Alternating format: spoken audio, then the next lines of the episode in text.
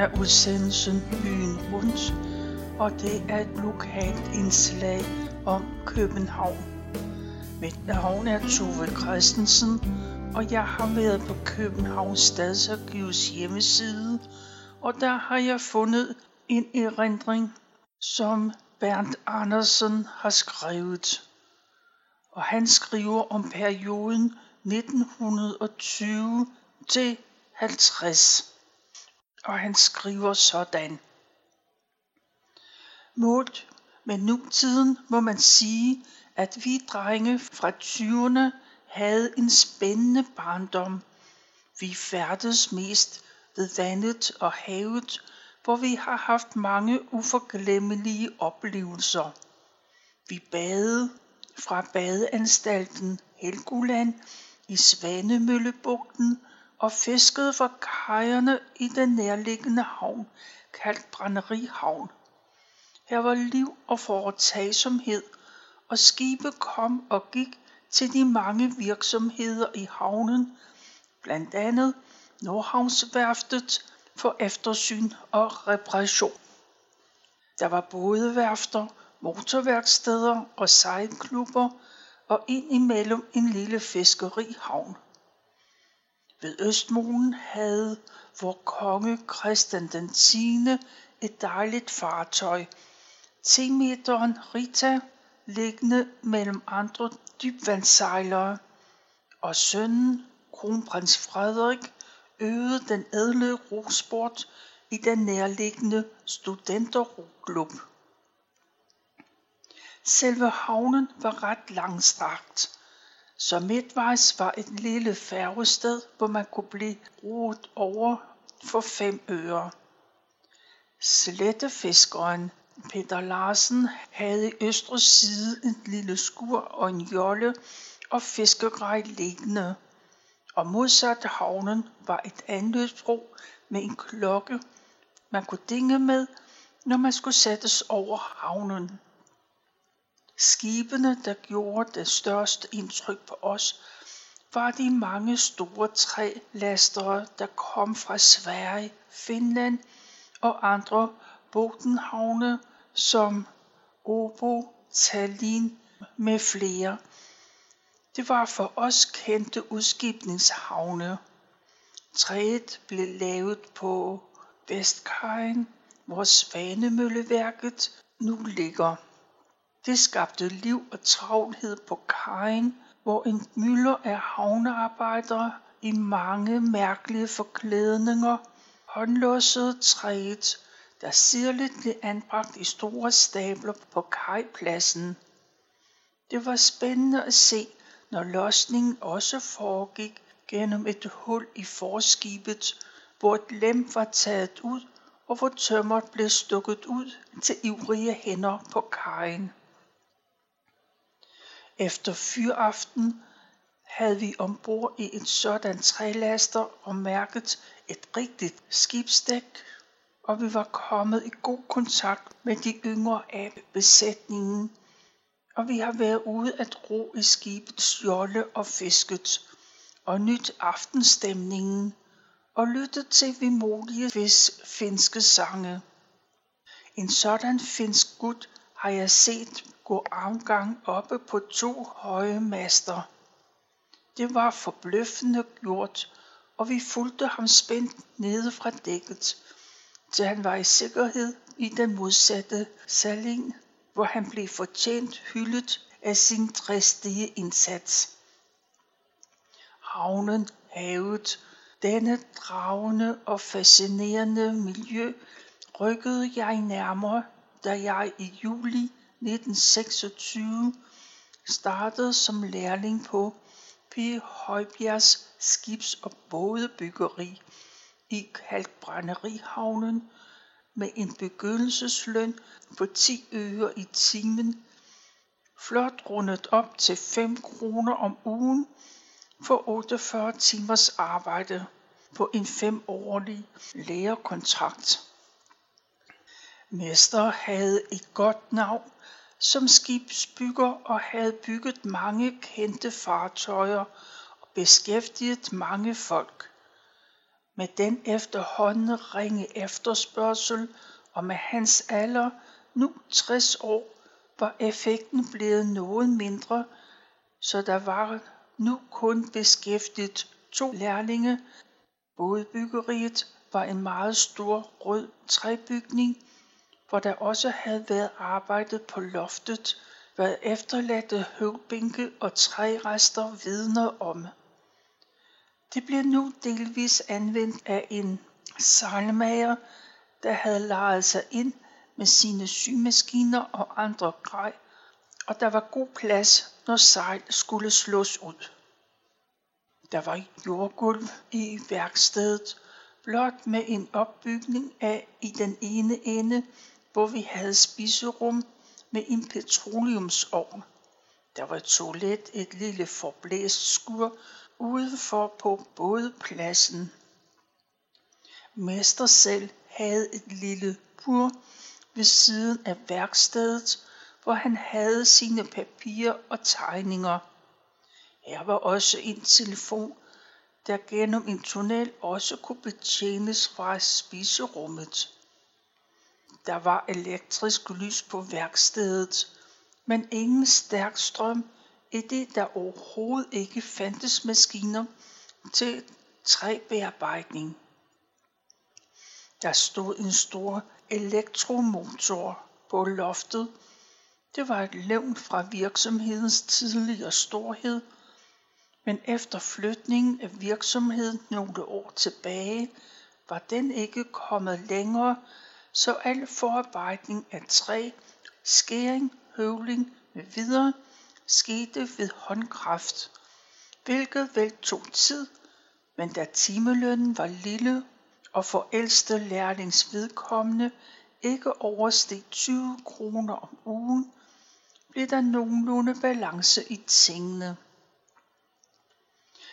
Vest for værkstedet lå bådepladsen, og her var to bedinger ud i havnen med hver sin ophalerspil, der betjenes med håndkraft. For enden af pladsen var en bådebro og en mastekran. Straks efter min ansættelse gik vi i gang med at tage både i land, hvilket var en vigtig økonomisk faktor for virksomheden. Der var plads til cirka 40 både af forskellige størrelse, alle sammen lystfartøjer. Nævnte sejlmager deltog i arbejdet og klarede på den måde delvis huslejen. Mester selv dirigerede arbejdet med fornuft og forsigtighed. Han havde selv dårlig ryg og sagde, at vi skulle passe på at bruge løftegrejerne, og under brugen af mukkert og kiler duserede han stolt. Husk, at kilekraften er den største kraft, der findes. Den kan sprænge klipper og skibe, og vi var fuld af beundring for mesters omfattende viden og gik med ildhu til opgaverne. Det skete jævnligt, at både ejeren fulgte optagningen af deres fartøj, og gik det godt, var der tit en dusør for os lærlinge. Det var et godt tilskud til ugelønnen. Vi skulle i øvrigt selv holde os med værktøj, så enhver bådebygger, der skulle holde linjen ud, havde en stor og solid værktøjskasse, hvor alt var samlet. Slipningen af skærende redskaber foregik ved en stor rund sandsten, der kørte i vand, og her var altid to beskæftiget.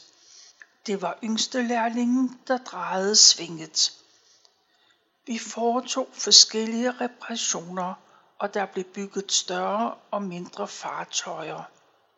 Mester selv og ældste lærling foretog opstilling af køl og spanter, og vi andre medvirkede ved det videre arbejde.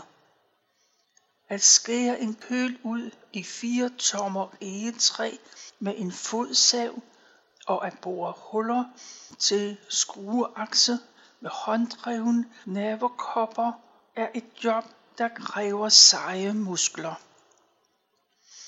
Om vinteren var det koldt, når vi mødte om morgenen klokken syv. Nøglen hang på søm bag mesters bur, og hvis det var fugtigt i vejret, når vi indenfor tændte lys, fik vi stød. Så vi lærte at gedere os med tørre spåner. Det var rart ved frokost og middag at komme ind i spiserummet.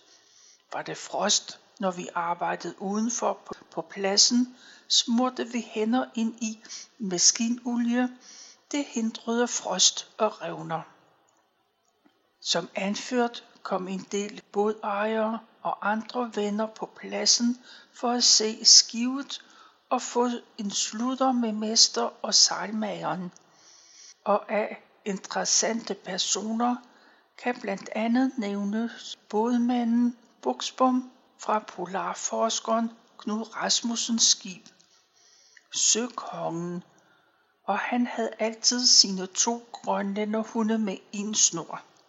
Han var lille og tætbygget, i jækkert og skinkasket og med buskede øjenbryn i en furet og værbit ansigt.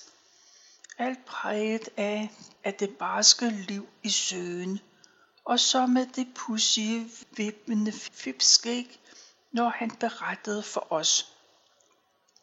Man følte da, at man var med på skibet under hans mange farverige oplevelser der nordfra.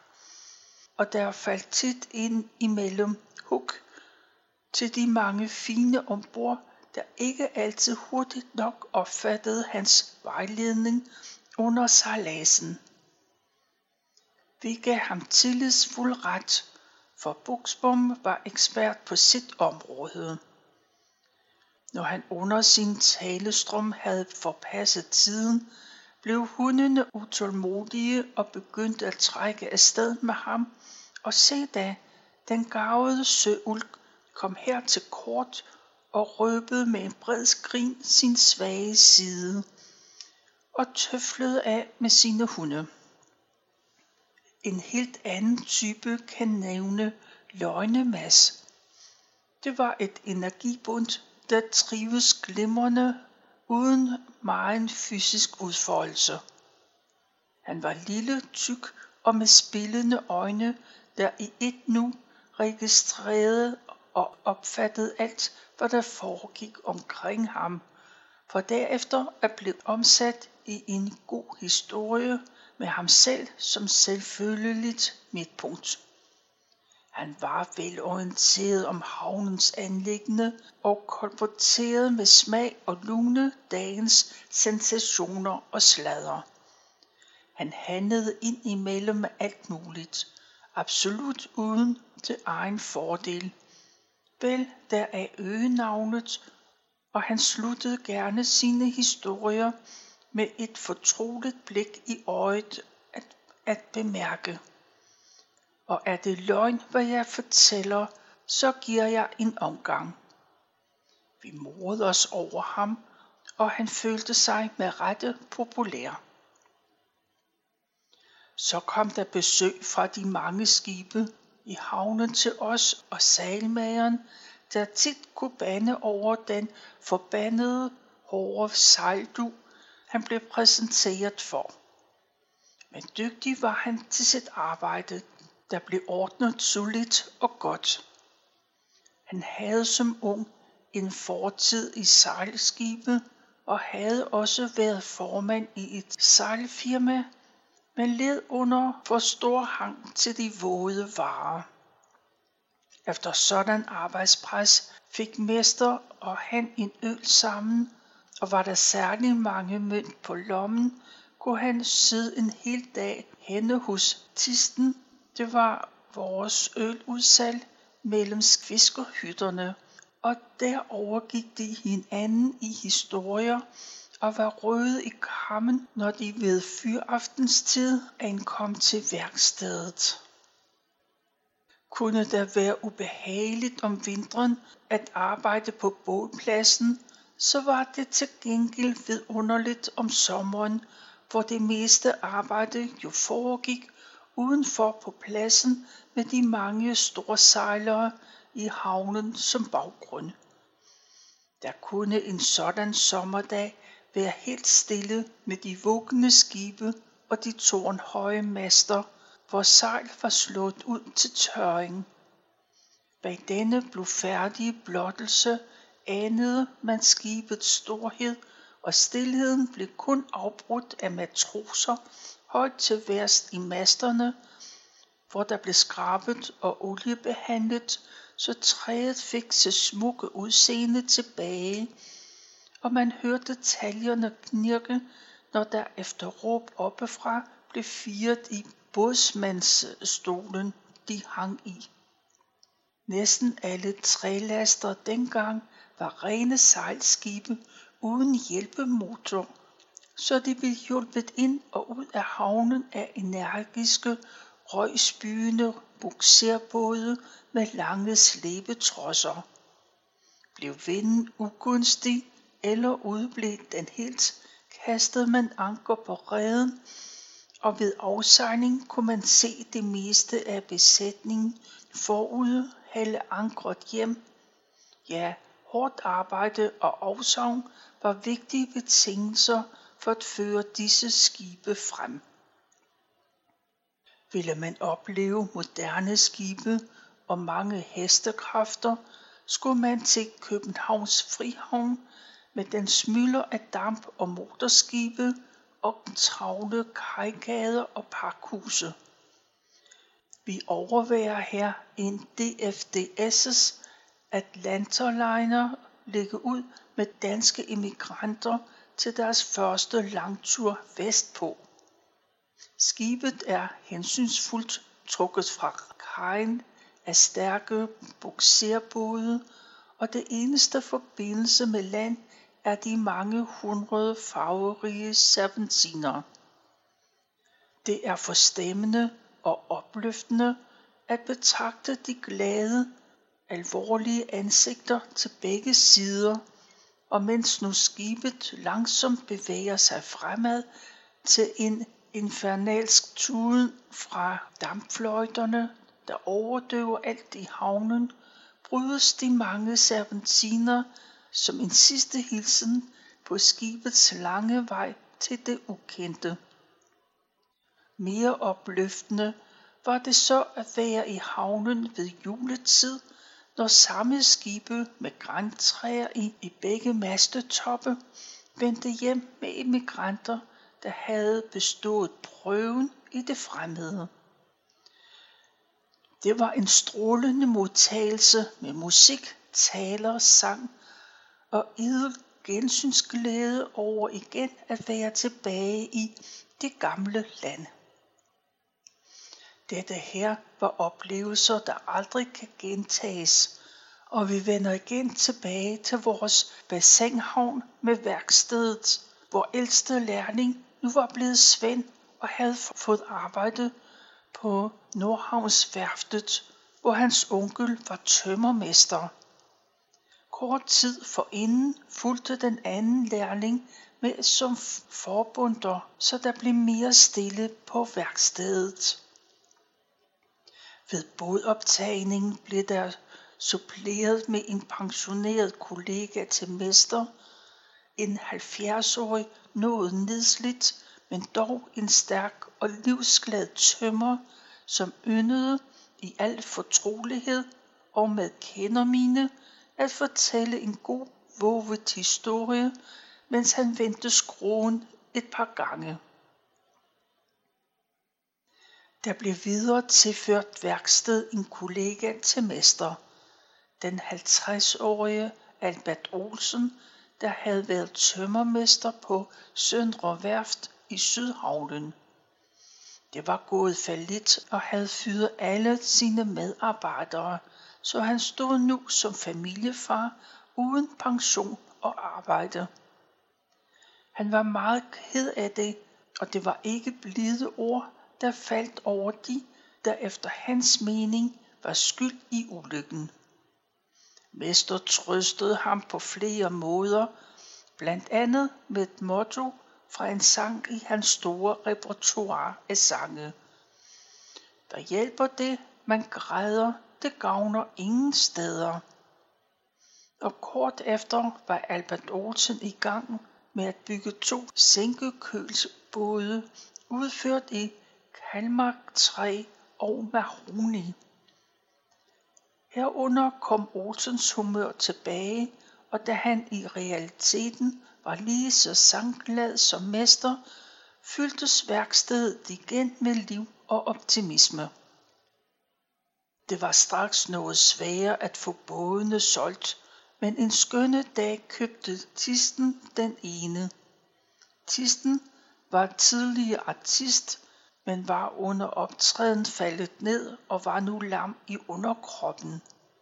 Han ernærede sig med et lille kiosk mellem fiskehytterne, som han passede sammen med en ung pige. Han blev kørt i rullestol, og når han skulle sejle, blev han båret ind i båden, hvor han, hvor han der havde gode armkræfter, fra agtertoften kunne dirigere sejl og ror. Han havde som regel en med i båden, men sejlede også alene ud i godt vejr. Og se da, hvilken lykke der stod skrevet i hans ansigt, når han en smuk sommerdag ene stævnede ud af havnen. Tømmermester Olsen var meget dygtig håndværker og medvirkede ved nogle store reparationer, hvor der blev tilført svende udefra, og værkstedet indfriede sin tidligere format og omdømme. Alt får dog en ende, og en skønne dag drog Olsen afsted til Nordhavnsværftet, hvor han arbejdede som svend i en årrække, til han blev pensioneret. Han oplevede ikke værftets lukning midt i 70'erne. Olsen var af den gamle skole, og han yndede ikke, at de unge svende sagde du til ham, hvilket omgående skaffede ham tilnavnet etatråden. Ja, øgenavnet klæbede hurtigt til håndværker dengang. En kollega fra Skovshoved hed Silleungen, og en, der i en periode havde prøvet skomageriet, hed Pløkken, og mesters tidligere mestersvend, der var lidt over middel sparsommelighed i omtale Christian 5 Øre. Ørenavnet talte mere til humor end til ondsind, og havde man musikalske evner, fåede navnet sig efter talentet som for eksempel tenoren. En livsglad kollega med en smuk stemme, der nåede sit kunstneriske højdepunkt en skøn sommerdag, hvor han øverst i kranen på Nordhavnsværftet tolkede sangen fra Den hvide hest i en udfoldelse, der kunne høres over det meste af havnen. Sangen forstummer, for der skete noget ganske uforudset. Værkstedet skulle flyttes 15 meter og drejes 35 grader. Årsagen var den, at Hedhedens cementfabrik og støberi, der igennem nogle år havde været vores nabo, skulle udvides med silo og betonveje, og værkstedet ligger i vejen. Hilde men, sikke et job. Mester var ked af det, men levede op til sit sangmotto, og vi tre, mester, sejlmageren og jeg, gik i gang med at lægge svært tømmer under værkstedet i hele dens længde og 15 meter videre frem. Det blev lagt fedtlapper imellem, nøjagtigt som til stabelafløbning. Havnevæsenets folk havde forinden planeret området, hvor værkstedet skulle føres hen. Og min sanden, to store dundkræfter klarede opgaven med at skubbe værkstedet de 15 meter. Ved drejningen tilbød jeg mester min viden fra teknisk skole med et stykke papir og nogle passerstreger. Mester rystede tvivlende på hovedet, og salmageren spyttede langspyt, men efter at tømmer var fortsat med fedtlapper, forløb drejningen perfekt efter papirstregerne, og vi tør sveden af panden og hvilede ud ved en ekstra øl. Jeg havde på dette tidspunkt fået tilskud til lønnen, der holdt læger tiden ud.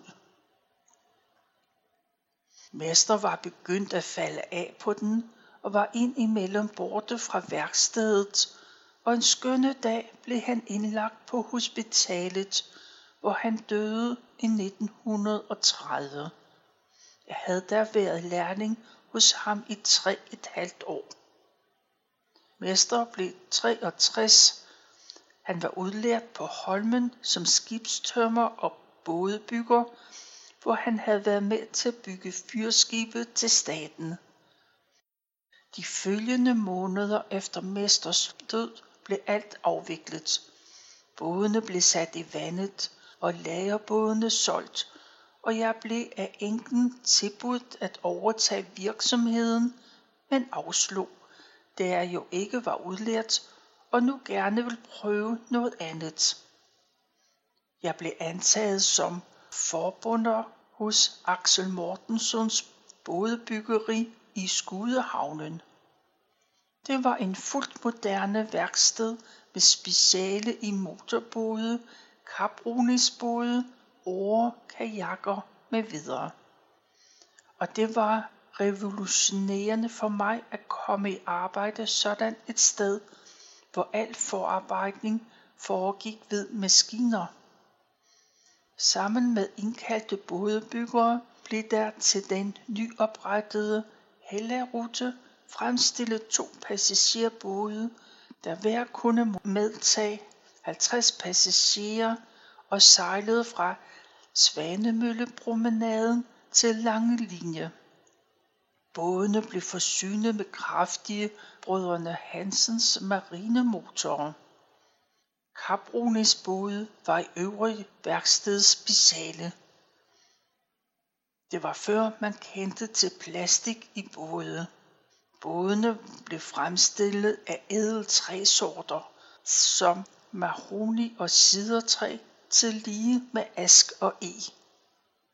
Det var sirligt snekkerarbejde, hvor alt blev samlet kover og messing, og der var pussehøvl og sandpapir, der satte det ekstra finish på bådene, som ved afleveringen stod skinnende lakeret i de smukke træsorter.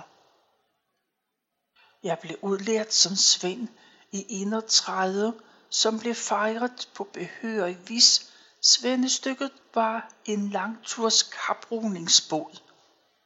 I mine personlige forhold kan jeg oplyse, at jeg efter at have sluppet brænderihavnen i en periode arbejdede på Nakskov Skibsværft og Odense Stålskibsværft.